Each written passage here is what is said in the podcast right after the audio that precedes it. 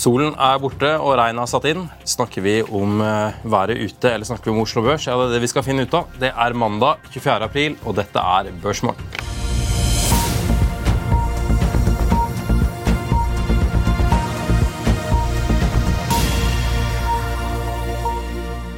Velkommen til Børsmorgen her hos oss i Finansavisen. Jeg er Marius Mørk Larsen, og med meg har jeg Karl Johan Molnes. Men først så tar vi et par raske oppdateringer. Det ligger an til å bli blåmandag på Oslo Børs. Førhandelen på handelsplattformen IG er ned med 0,6% på morgenkvisten, mens Nordnetts aksjeekspert Roger Berntsen venter en nedgang på 0,3% Han kommer for øvrig i studio i morgen sammen med Alex Rosén. Det blir antagelig lite hjelp fra Asia, selv om Nikkei og Topic steg 0,2 Mange vil for øvrig holde øye med, de første, med, den første pengepolitiske møtet til den nye japanske sentralbanksjefen Kazuo Ueda denne uken. Hang Seng i Hongkong gikk ned 0,6% fredag og fortsatte like mye ned i natt. Shanghai Composite i Kina var litt mindre pessimistisk preget og var ned 0,2% mens Kospi i Sør-Korea gikk andre veien og var ned 0,8 Brentoljen fortsetter samtidig nedover og var mandag ned 1 dollar til rundt 80 dollar og 80 cent per fat. Wall Street fikk på sin side en litt bedre fredag enn ventet, etter at torsdagen ble ganske rød. SMP 500 var opp marginale 0,09% mens Dow Jones og Nasdaq var opp 0,07 og 0,11% Samtidig trakk VIX-indeksen, altså den såkalte fryktindeksen, seg tilbake med 2,15% etter at den steg med nesten 7% på torsdag. Litt tettere på markedet ser vi at Viridor går bort fra betingelsen om en akseptgrad på 90% i tilbudet om kjøp av alle aksjer i Quantafuel, etter å ha slitt med å nå den, den, den graden. De har fått aksept for 79,2% av aksjene og velger nå å fravike min, minsteakseptbetingelsen og bli største kontrollerende aksjonær. Shipping-analytiker Petter Haugen spår at bilfraktmarkedet skal bli enda sterkere. Til tross for at ordreboken har skutt til himmels, er han ikke bekymret, og mener at den underliggende veksten i eksport av biler fra Kina vil mer enn gjøre opp for veksten i antall bilfraktskip. For at bilfrakt skal bli dårlig i 2023, må det skje noe helt dramatisk, sier han til Finansavisen. Sjekk for øvrig ut fredagens Økonominyhetene, hvor Georg A. Wist fra Gram Car Carriers var i studio for å snakke om markedet og hvordan deres selskap står rustet nå. Det britiske oppkjøpsfondet Hanover har lagt inn et bud på 15,25 kroner per aksje for alle aksjene i Lumi-gruppen. Hanover tar sikte på en avnotering av Lumi-gruppen fra Euronex Croft ved gjennomføring av tilbudet, og vil tvangsinnløse resterende aksjer i selskapet dersom det oppnås en akseptgrad på 90 Tilbudet er ikke betinget av forbehold eh, som finansiering eller ytterligere due diligence. Tilbudsperioden er ventet å begynne innen 8. mai og vil vare i 20 virksomhetsdager med forbehold om forlengelse. Fredag stengte Lumi-aksjen eh, i 12,25 kroner, noe som betyr at Hanover betaler en premie på 25% fra kurs på fredag. Rett før sending ble det også klart at Øystein Kallekle blir sjef for Avans Gass, men han skal også fortsette som sjef for Flex LNG, så altså to jobber i Fredriksen-systemet. Jeffreys tar også opp dekning på Tomra med en salgsanbefaling og kursmål på 140 kroner. Fredag stemte, stengte Tomra-aksjen i 164 kroner. Barclays nedjusterer kursmålet for Hydro fra 115 til 95 kroner, men kjøpsanbefalingen opprettholdes. Aksjen sto i 80 kroner fredag ettermiddag. ABG Sundal Collier kutter kursmålet på Kongsberg Gruppen fra 450 til 410 kroner, men beholder en holdanbefaling. Sist omsatte kurs var 465 kroner. Karl Johan, hva tenker du om eh, ja, det som skjer denne uken? Nei, jeg tror det, vi, eh, det blir ruskevær. Det er Magma-aksjene, de store teknologiaksjene, skal rapportere. Og vi sjøl har etterdønningen av Nordic Semiconductors eh, resultater på slutten av forrige uke. Det er jo Nordic Semiconductor er jo et selskap som stort sett fullt av norske og nordiske analytikere. og mange der har fått seg en stor overraskelse. Og En av årsakene til at man overrasker, er at Nordic Semica har gjort det fantastisk bra. De har gjort mye mye mer enn hva man skal forvente for et sånt lite selskap, og da er det vanskelig å estimere. Og både oppover og nedover. Og eh, Man har vært litt for komfortabel og sprik i kursmål fra 90 til 200. Og når kursmålet er 140 og kursen er 115, og estimatene er kraftig på vei ned. De, de har halvert seg selv på inntektsnivå for 2023 og 2024 bare i løpet av ett år. og eh, der eh, man har vært altfor optimistisk, eh, og nå kommer, svinger, svinger pendelen andre vei. Og man kan ikke kjøpe dette før estimatene slutter å falle. Mm. Hvor lang tid kan det ta? Det tar iallfall tre måneder. Mm. Er det noe annet du har lagt merke til Nei, altså De kjørte jo innover her og så at dieselprisen var 17,33. Jeg blir jo like overraska hver gang jeg ser dieselprisen at eh, dagen før så kan det være 25 kroner, og så er det 17 kroner. Så det må jo være litt mye diesel i markedet. Så vi skal jo ha en oljeanalytiker inn her senere i uka. og eh, da må han jo forklare oss hvordan det føles å bli slått av teknisk analyse som hele tida bare markerer dette her ned, eh, ned, ned, ned. Eh, det er bear market rallies etter en annen, men oljeprisen ser svak ut på tross av alle de problemene man har. og Det skal vi jo diskutere senere i uka. Det er ganske stort sprik i bensin- og dieselprisen også, nesten tre kroner. Ja, Diesel er industriens uh, fuel, vet du. Det er, uh, det er et indikasjon på industri, da. Yes, Vi skal ta inn første gjest, men først en kjapp reklame. Vil du bli oppdatert på det viktigste som har skjedd innen finans og næringsliv? Da er det bare å følge med, for hver morgen er jeg, Marius Lorentzen og aksjekommentator Karl Johan Malnes på plass i studio for å ta tempen på dagens marked i Børsmorgen. Og hver ettermiddag oppsummerer vi alt du trenger å vite i økonominyhetene, og det blir selvfølgelig masse interessante gjester. Klikk deg inn på fa.no-tv, eller søk opp Børsmorgen og Økonominyhetene der du hører på podkast. I'll see you in court. Vi sier det ofte litt på spøk men for deg som driver business, er det aldri moro å innse at du ikke har laget en 100% gyldig kontrakt. Du bør ikke risikere hele firmaet ditt fordi du synes dette med kontrakter er litt stress. En avtale er ikke en avtale. Du kan miste kunder, miste venner, ja, til og med miste inntekter om du ikke lager en skikkelig kontrakt, på alt mulig, egentlig. Men vi vet det er et styr. Kopimaskiner, tregprinter og haugevis av papir. Dessuten stoler vi jo på folk her i landet. Det er ofte litt kleint å skulle be om en signatur for alt mulig, ja, for mye av styret handler også om jakten på underskriften. Det finnes en enkel måte å løse dette på, Dukkobit, en trygg, effektiv og get this, gratis måte å sikre seg en god natts søvn pluss en juridisk bindende avtale. Dukkobit-appen har de strengeste sikkerhetskrav i bunn, samt en EU-godkjent og sertifisert teknologi. Framover vil det bli behagelig å spørre du, skal vi skrive under på det, eller? Kom i gang på dokobit.no.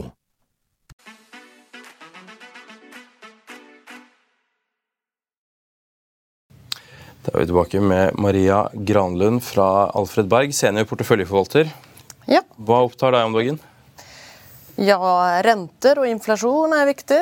Ja. Men uh, også hvordan kredittkvaliteten er i selskapene. Ja. Uh, skal den bli bedre eller uh, ikke? Hva er magefølelsen så langt, da?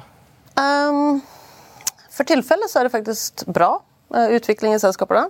I uh, kredittmarkedet.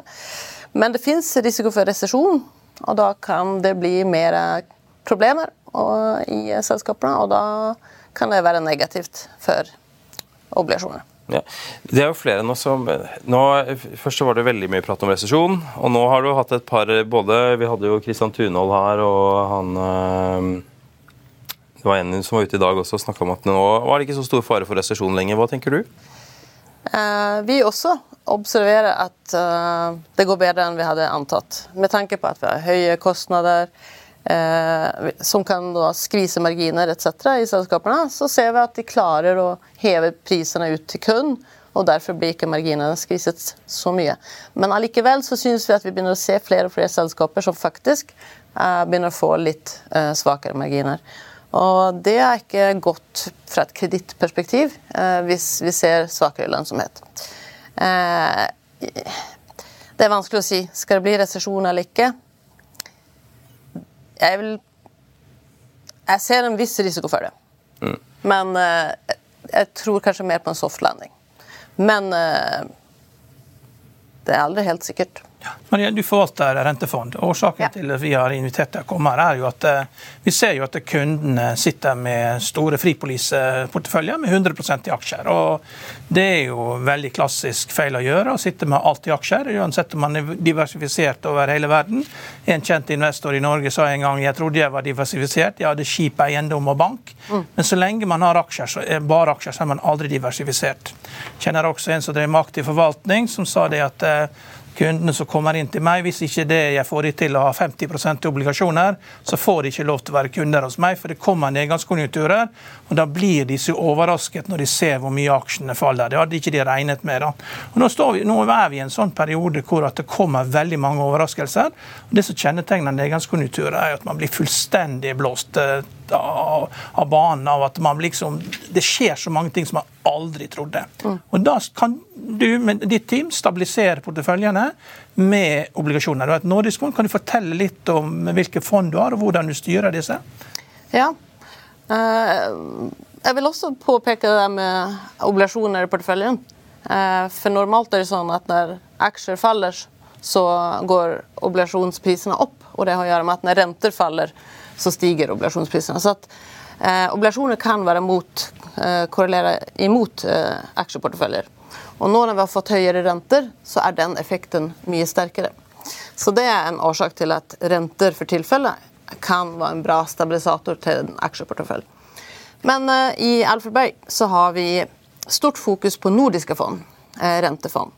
Og vi har bredt, eh, en bred produktportefølje. Alt fra solide investment grade-selskapsobligasjonsfond eh, til middels høy risiko med litt høyere rente. Og så høy, rene høyrentefond med en ordentlig høy rente i porteføljen. Så eh, vi har selvfølgelig også norske fond, obligasjonsfond som bare kjøper norske selskapsobligasjoner eller norske statsobligasjoner. Eh, men det vi har spesialisert oss på, det er nordiske fond. Så vi ser til å sette i hop porteføljer med en god diversifisering på nordisk basis. Så vi prøver å ha porteføljer eh, med en god andel av eh, med ulike nordiske land. Og det som er Fordelen med å ha et nordisk fond, mener vi, da, det er jo det at Eh, I Norge har vi gjerne en, en, type sektor, satt sektor. I høy, høyrentemarkedet f.eks. har det alltid vært mye shipping, olje, offshore og, og den type. Uh, mens i Finland så er det mye industri og den type sektorer. Så, som en nordisk forvalter så kan vi da plukke i hop en, en, portefølje som er diversifisert, og med, den sektorfordeling vi ønsker. Og da er vi ikke like låst til den sektorfordeling som det enkelte land har.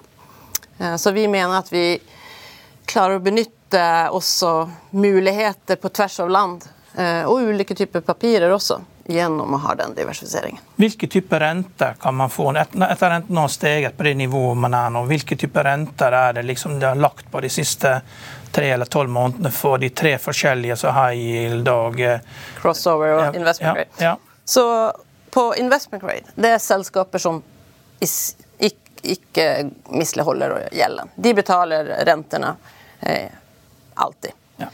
Der får du 5% ca. nå. I kredittpåslag? Nei, i total okay, rente. Total, ja. Så du får en løpende avkastning på 5 ja.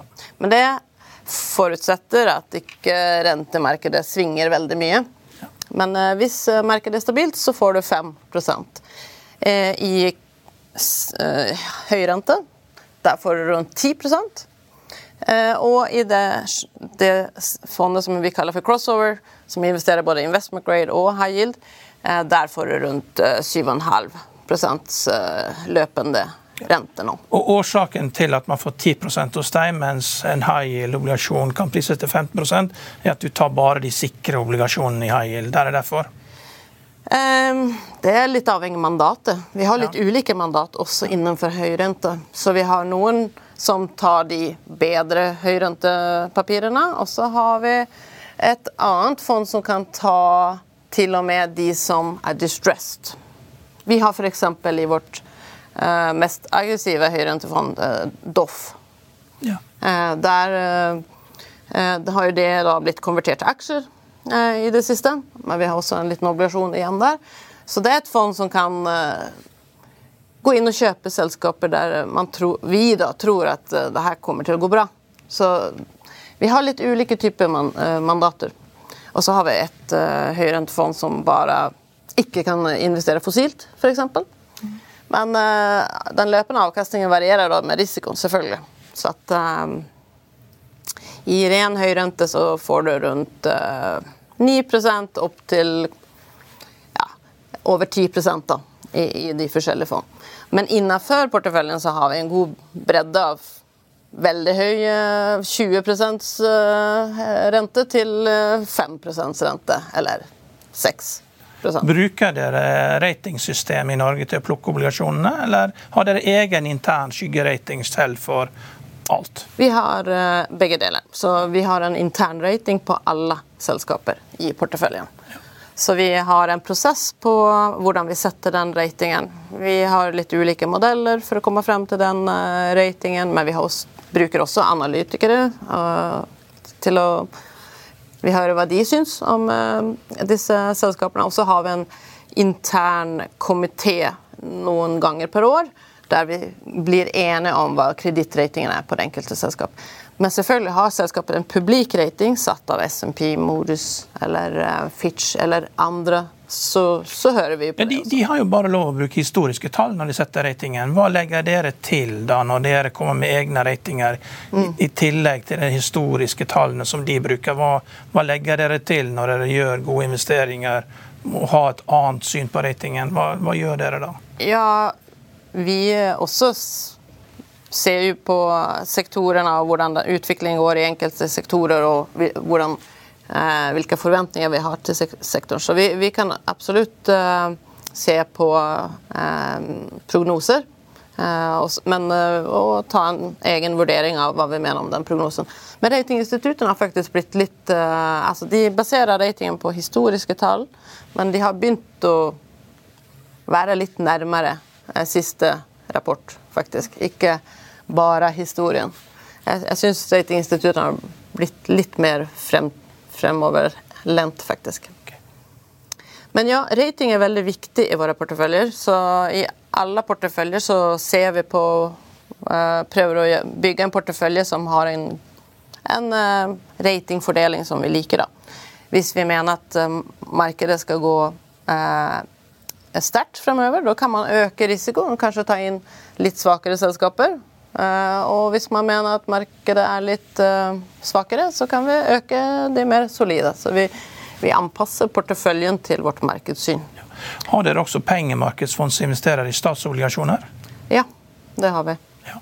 Og også i amerikanske statsobligasjoner? Uh, nei. nei. I, I, nordiske statsobligasjoner? Vi fokuserer på Norden, men ja. vi har faktisk også et uh, europeisk investment grade-fond og et globalt investment grade-fond. Ja, så, Men uh, nordisk er vårt hovedfokus. Så du tar statsobligasjoner og kaller det, det sammen med investment trade? Eh, vi gjør ikke det. Nei. Vi eh, har rene kredittobligasjonsfond, ja, ja, og så har vi statsobligasjon for seg. Ja, bra. Ser dere endringer i handelsmønstrene? Altså, hva, hvor, hvor, folk putter pengene i obligasjoner? Um, vi ser lite grann at faktisk mer interesse for lange obligasjonsfond. Eh, for vi har eh, obligasjonsfond med kort løpetid, middels løpetid og lang løpetid. Dette gjelder særlig på investment grade, ikke på høyrentedelen. Vi ser et økt interesse for eh, fond med lang durasjon. Og det har å gjøre med at man ser for seg at vi kanskje nærmer oss rentetoppen. Og hvis man har For du vil jo i obligasjonsfond, hvis renten går ned, da stiger prisen på obligasjoner. Mm. Eh, når rentetoppen er nådd, så er det en økt sannsynlighet for at kanskje rente kan gå ned. Så da, I tillegg til at eh, lange obligasjoner har en, oftest en høyere rente, så har du også en mulighet for at kanskje du kan få en ekstra avkastning hvis rente går ned. Så jo nærmere rentetoppen er, jo mer interessant er det å gå inn i lange obligasjoner. Hvor lang er en lang obligasjon? Eh, det fins jo I kredittobligasjonsmarkedet så er det en lang obligasjon syv år. Men det fins ti år. Og i USA fins det jo enda lenger. Eh, men her i Norden så er det vanligst med en løpetid mellom tre til fem år. Så eh, det er det normale. Alt over fem år anser vi er langt. Du snakka i stad om, så vidt om fossilfrie eh, obligasjoner. Mm. Hvem er det som putter pengene sine der, og hvorfor? Faktisk så vil jeg påstå at en større andel institusjonelle kunder, kunder som eh, eh, er store, uten å nevne noen navn, men eh, de større institusjonelle kundene har et større krav på ESG-fokus. Mm. Uh, og da er det også noen av kundene der som ønsker fossilfritt. Um, det gikk ikke Store så bra. Store banker, vet du, Marius. Zero eh, carbon. Utjevne fossilavtrykket for å importere kaffe til kaffemaskinen. ja, nei, men jeg bare ute etter å lure, finne ut om, om det er en, en politisk eh... Det er klart det er politisk. Ikke sant? Men, altså, det kunne jo være at, at eh, liksom, det var en, en, en, et ekstra godt utbytte, men rent, da mener du at det er rent politisk drevet? Men tjener man mer penger? Får man mer eller mindre betalt på en grønn obligasjon? Um, du får vel egentlig Det er ikke noen kjempestor forskjell uh, i spredd uh, mellom uh, en grønn og en ikke-grønn. Det er mer at det fins et økende interesse for å bidra da, til et bedre klima. Og en grønn obligasjon skal være um, dokumentert ikke bidra til uh, CO2-utslipp. Men, men TK Shipping frakta jo olje. De fikk jo det godkjent som grønn obligasjon fordi at, eh, fordi, at, de hadde de mest miljøvennlige skipene. Ja. Så alt, alt, her er jo bare relativt. Ja, men vet du hva? Den obligasjonen liker ikke alle. Nei. Så en fast de fikk en grønn obligasjon, ja. så er det noen som uh, mener at de ikke vil kjøpe den, derfor at de frakter olje. Ja. Eh, men årsaken til at de fikk en grønn obligasjon, det var for at de halverte CO2-utslippene med de nye skipene. Så de bidrar jo til ja. lavere eh, det er takson taksonomien. Det, ja da, det bare, handler om å redusere utslipp. Men uh, investorer er ulike. Noen uh, vil ha med fossil, andre uten. Og vi er som en restaurant. Ja. Vi kan tilby de forskjellige Har dere fondsobligasjoner også, da? Nei. Jo, vi har et fond ja. som uh, investerer bare i den type hybridkapital. Ja. Uh, og også uh, det her ja, Våre høyrentefond kan også investere i den type obligasjoner. Så når fondsobligasjoner falt veldig i pris her, når Credit Suisse ble tatt over Og de obligasjonene ble jo nullet, ja. i, men aksjonærene overlevde jo. Eller aksjene overlevde. Um, så falt jo alle priser, eh, alle fondsobligasjoner i pris. Um, men uh, vi mener at uh, risikoen for at Handelsbanken, Nordea eller DNB skal havne i samme situasjon, er relativt liten. Er veldig liten. Derfor så kjøpte vi obligasjoner i disse bankene på dette tidspunktet. Og da fikk du en rente over 10% på disse fondsoblasjonene. Er det fortsatt et godt kjøp å kjøpe? Det er fortsatt et godt kjøp, mener jeg. Ja. Hvor mye mer får du nå enn uh, før prisen i Credit Suisse? Uh, ja. 2-3% Dette er jo det fondet som appellerer til nordmenn, å få en sånn gevinst som dette er inn på noe som er relativt trygt. Og, mm. og Norden er jo annerledes. Og du har bare nordiske fondsobligasjoner? Eh, ja. ja. Vi, så vi har bare nordiske ja. banker. Uh, men det som uh, skjedde i Credit Suisse, uh, kan selvfølgelig også skje i alle Eh, obligasjoner, eller eh, fondsobligasjoner. Men EBA, European Banking Association, gikk, gikk ut og sa at i, i Europa så følger vi prioritetsfølgen i kapitalstrukturen. Hvilket betyr at aksjonærene skal tape først, før fondsobligasjonene skal bli nullet. Det, det, er jo sånne tikkerkoder på fond. og Hvis man går inn på Bloomberg eller på ulike plattformer, mm. så er det liksom de første bokstavene til de faste kjennetegn som kjennetegner tikkerne på de fondene dere har, som gjør at det, det er lettere for kunden å finne fram til fondene. Husker du noe om det? Nei, Nei. dessverre. Nei. Jeg kan ikke svare på det. Nei. Når du ser den, den bankuroen som er i vår, eh, hva, hvordan ser dere for dere at høsten blir i obligasjonsmarkedet? Uh, vi ser allerede at uh, altså renten har steget på banksektoren. Altså det er en økt uh,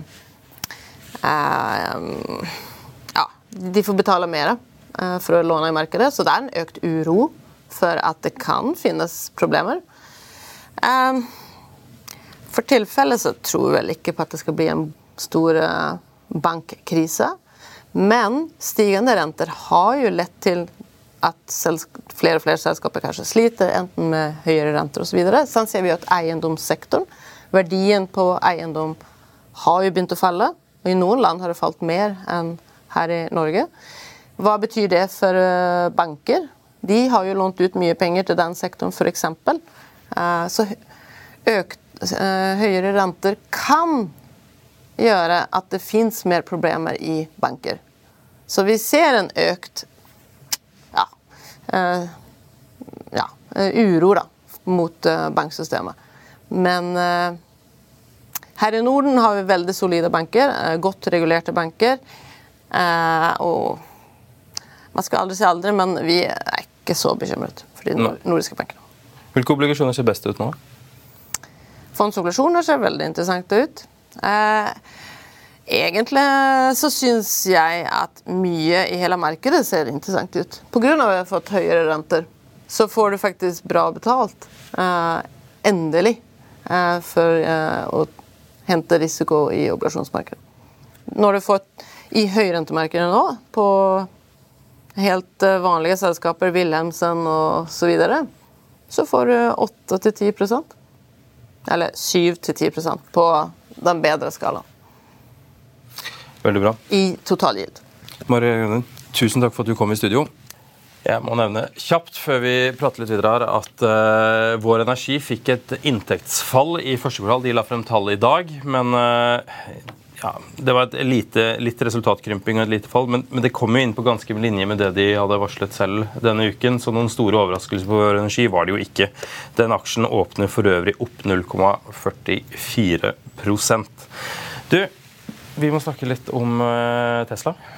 Tesla er jo en spennende aksje. Og eh, Nå var jo jeg borte, dessverre. Jeg var i begravelse på fredag, så jeg fikk ikke vært der til å kommentere eh, noe rundt dette her. Men eh, det er eh, det nye som har kommet fram eh, rundt conference callen, er jo at eh, Elon Musk guider at batterivirksomheten kommer til å ha samme margin som bilvirksomheten.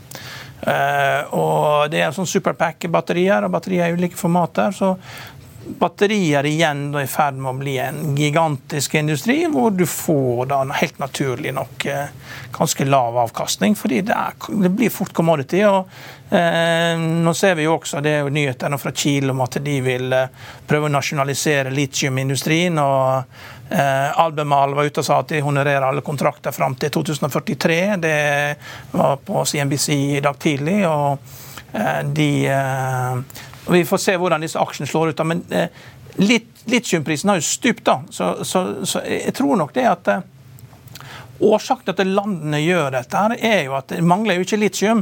Men for at de skal tjene penger på dette, så må jo de prøve å kontrollere tilbudssida. De må, de må ikke sørge for at dette her blir bare gitt bort. At eh, elbilprodusentene får alt det de trenger av litium, uten at det er de får betalt for det. Og Da må eh, landene gå sammen om å prøve å regulere tilbudssida, ellers så får de ikke betalt.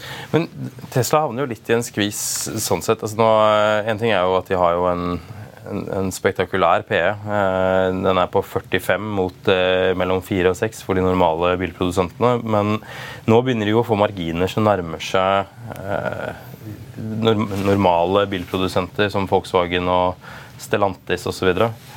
Det, det lukter jo litt trøbbel av de greiene her. Ja, Han gjør det omvendt av uh, Amazon. Starter jo uten marginer og sier de skal fortsette å ikke ha marginer. Men, men uh, og sier 'your margin is my opportunity'. og Det er jo litt det samme som Tesla gjør her. De angriper alle de andre bilprodusentene fra et høyt nivå. Så du går da fra å ha en bruttomargin på 5-26% i 2021 og 2022 ned til 20 uh, i år og 22 for neste år i estimatene. men, men Tesla er et veldig solid bilselskap da, med eget forhandlernettverk. Så det er veldig, uh, veldig sterkt i kjernen av dette. her. Da. Men problemet er jo verdivurderingen da, med 522 milliarder uh, i, i egenkapitalverdi. Uh, den kan nok helt sikkert komme til å komme ned ganske kraftig. Men det, det å ha fokus på eh, volum, da, og når de sjøl sier at eh, vi skal justere prisene hver eneste uke globalt, så er det klart det er priskrig. Og de utfordrer jo eh, alle andre bilprodusenter innen batterier. Men Vi ser jo det at eh, Problemet med elbilen er jo at det er jo ikke noen offroad-bil. Eh, det, det, er en bil for byer. Disse batteriene er veldig sårbare. så det er, Dette er jo en nisje. Men, ja. Kapasiteten på dette begynner jo å bli ganske spektakulær. fordi nå er det 1, 1 million, De har en produksjonskapasitet etter første kvartal på 1 750 000 ja. Y. Ja. Eh, så så jeg en sammenligning til at I fjor så solgte Toyota 1 350 000 Toyota Corollaer på verdensbasis. Som er en vanlig fossilbil. Ja. Dette er en elbil. Den koster dobbelt så mye som en Corolla. De skal selge nesten 40% mer av den. Eh, ja, nei, det er, det er priskonkurranse, men, men, de kommer til å presse prisene enda lenger ned, ser det ut for. og De ønsker å dominere dette. og Det ser jo ut som at det, eh, elbil vil jo bli en nisje. Det kan jo ikke brukes til alt dette. Batteriene er altfor sårbare til det. Så det er bybil.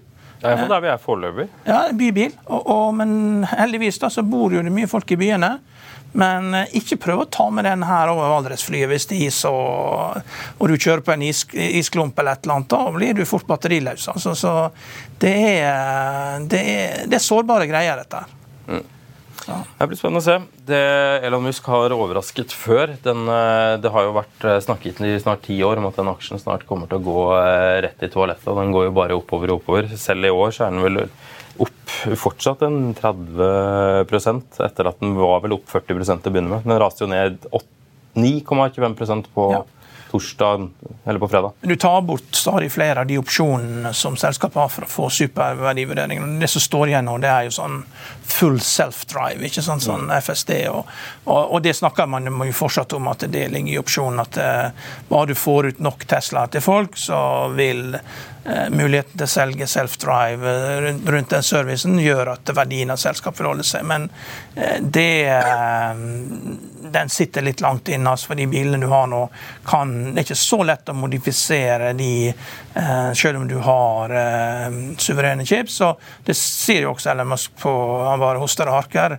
og sier ja, nei, ja, nei når han får spørsmål om du går an å gjøre det med de bilene du har. Så det, eh, så det er framtidshåpet. Det, det er et stort framtidshåp som Cathy de da markedsføre, men det, det er jo ikke så mye realisme i det. Nei, hennes prisvurderinger Nei. av Tesla er jo også nå helt eh, spinnville. Var det, de, priset det til Jeg husker ikke nøyaktig, men jeg tror det var uh, ja, 40% av britisk GDP. Ja. Så det er jo helt spinnvilt. Ja, spinnvilt. Nei, men, men kommer gjøre, Tesla, Tesla, kommer til å gjøre det surt for andre elbilprodusenter. Men, eh, og, og, de kommer til å fortsette å definere nisjen. Det er jo gode biler å kjøre i byene. Det er jo kule biler. Mm. Jeg snakket med en uh, i bilbransjen som sa at det, det, man satt lenge og ventet på at Tesla skulle gjøre de samme priskuttene. Nei, alle de andre skulle gjøre de samme priskuttene som Tesla. Men det de derimot gjør, er at de, ser, de noterer seg ok, hvor mye markedsandel får du ved å gjøre sånne priskutt, og hvor lenge varer det. Ja. For det, det, er klart at Tesla tar en voldsom eh, markedsandel, iallfall i Norge, i første kvartal. Men så er spørsmålet hva er den markedsandelen senere? hva, altså, Hvor mye markedsandel kjøper du ved å kutte marginen så mye? Og Det er det de sitter nå med kalkulatorer og regner på som gale. Så det blir spennende å se. Du, jeg må ta med helt på slutten her at eh, Lumi, som eh, innledet med, har fått eh, bud fra Hanover. De, den nyheten gjør at de er opp 21,2 til 14,85 kroner. De har jo da eh, bydd 15,25 kroner per aksje. Eh, Quantafuel, Viridor, eh, gikk jo vekk fra denne betingelsen om akseptgrad, og det har også sendt den aksjen opp 12,5% til 6,19 kroner. Vi er tilbake med økonominyhetene klokken 14.30. Og i morgen så er Roger Berntsen og Alex Rosén med oss for å holde oss litt oppdatert om hvordan den aksjereisen går. Vi ses og høres i morgen.